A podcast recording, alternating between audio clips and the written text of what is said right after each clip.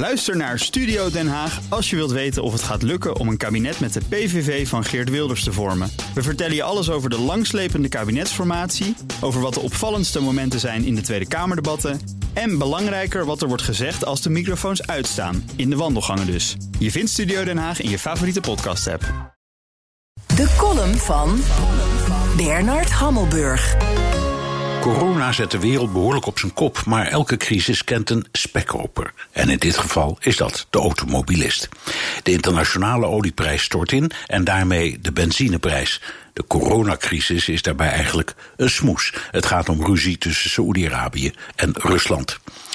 De wereld van de olieprijzen zit krankzinnig in elkaar. Veertien landen onder leiding van Saoedi-Arabië zitten in de OPEC, waar ze samen afspraken maken over productie, uitvoer en prijzen. Een kartel dus, dat in situaties zoals in deze de wereld ongegeneerd in een wurggreep houdt. Dat moeten simpele fabrikanten van blikgroentes eens proberen.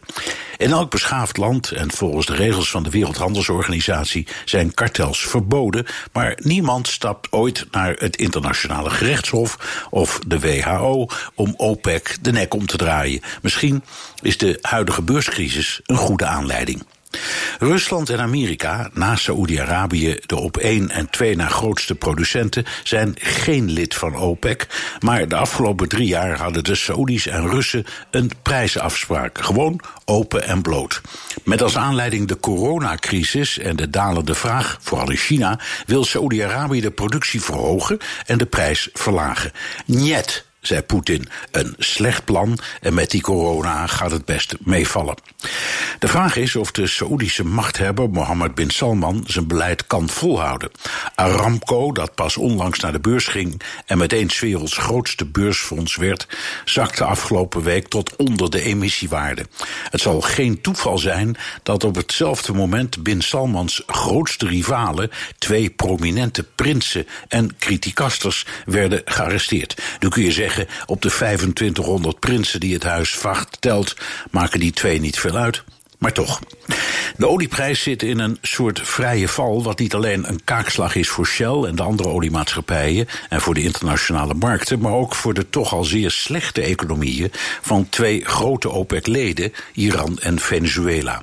Voor de automobilist is het allemaal uitstekend nieuws. Maar voor Amerika, Rusland, China en EU zou dit het moment zijn om OPEC bij het oud vuil te zetten. Het is de hoogste tijd. Columnist Bernard Hammelburg. Terugluisteren? Ga naar bnr.nl of de BNR-app. En daar vindt u ook alle podcasts. Ook Thomas van Zeil vind je in de BNR-app. Je kunt live naar mij luisteren in Zaken doen, de BNR-app met breaking news, het laatste zakelijke nieuws en je vindt er alle BNR-podcasts, bijvoorbeeld Het Nieuwe Geld. Download nu de gratis BNR-app en blijf scherp.